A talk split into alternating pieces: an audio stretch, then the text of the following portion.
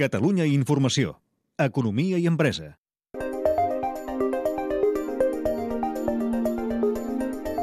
Economia en xarxa.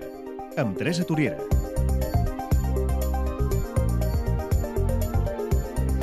Saludem com cada dilluns a la Teresa. Bona tarda. Hola, bona tarda. Ara parlàvem amb el senyor Antoni de Borsa de Barcelona que els inversors són sensibles a qualsevol eh, aspecte que els pugui preocupar, com fins i tot el tema de l'èbola. Jo no sé si les xarxes també estan nervioses o no per aquesta qüestió. Home, el tema s'està convertint realment en els més mencionats eh, des de que s'ha sabut aquesta notícia i que tothom n'està pendent i segurament ho seguirà sent les properes hores.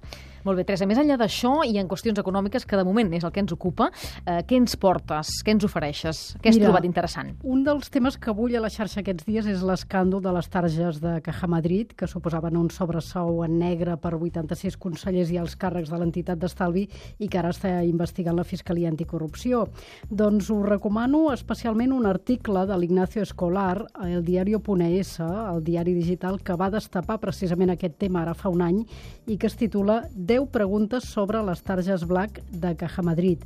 Expliquen tots els detalls i, per exemple, com les despeses d'aquestes targes eren computades com a error informàtic i no sortien a cap comptabilitat del banc. Us deixem la referència a l'adreça de l'article i els hashtags Caja Madrid o Tarjetes Black per anar seguint el tema.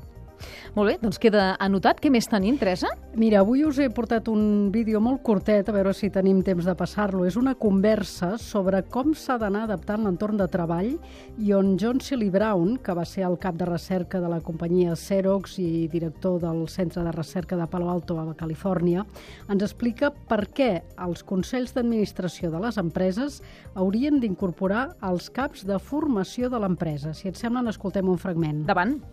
In a world which says that the competitive edge comes from accelerated Diu, en un món en què l'avantatge competitiu ve d'una necessitat constant d'aprendre, d'obtenir coneixement, cal dissenyar els entorns de treball, no només físics, sinó també virtuals, les rutines, les relacions entre les persones, de tal manera que afavoreixin aquesta adquisició constant de coneixement. I això, afegeix Silly Brown, farà que els directius capaços de crear aquesta arquitectura seran els nous CEOs de les empreses. Per tant, un, un bon consell a tenir en compte. Efectivament, en prenem bona nota. Què més ens recomanes avui, Teresa, de la xarxa? Doncs mira, eh, us volia recomanar algunes adreces de consum col·laboratiu, que crec que en teniu previst parlar si, si ho permet l'actualitat.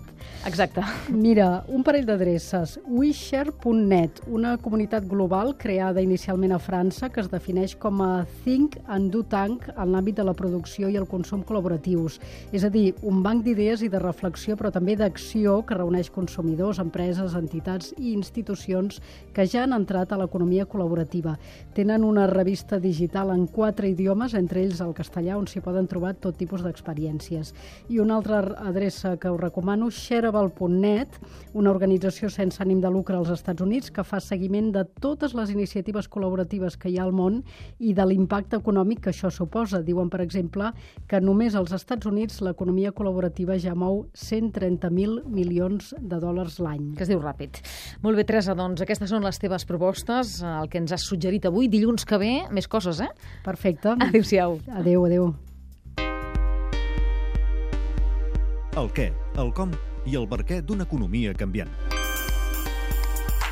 El que decideixen uns quants ens afecta a tots. Economia i empresa. L'economia explicada d'una altra manera. Amb Nati Adell.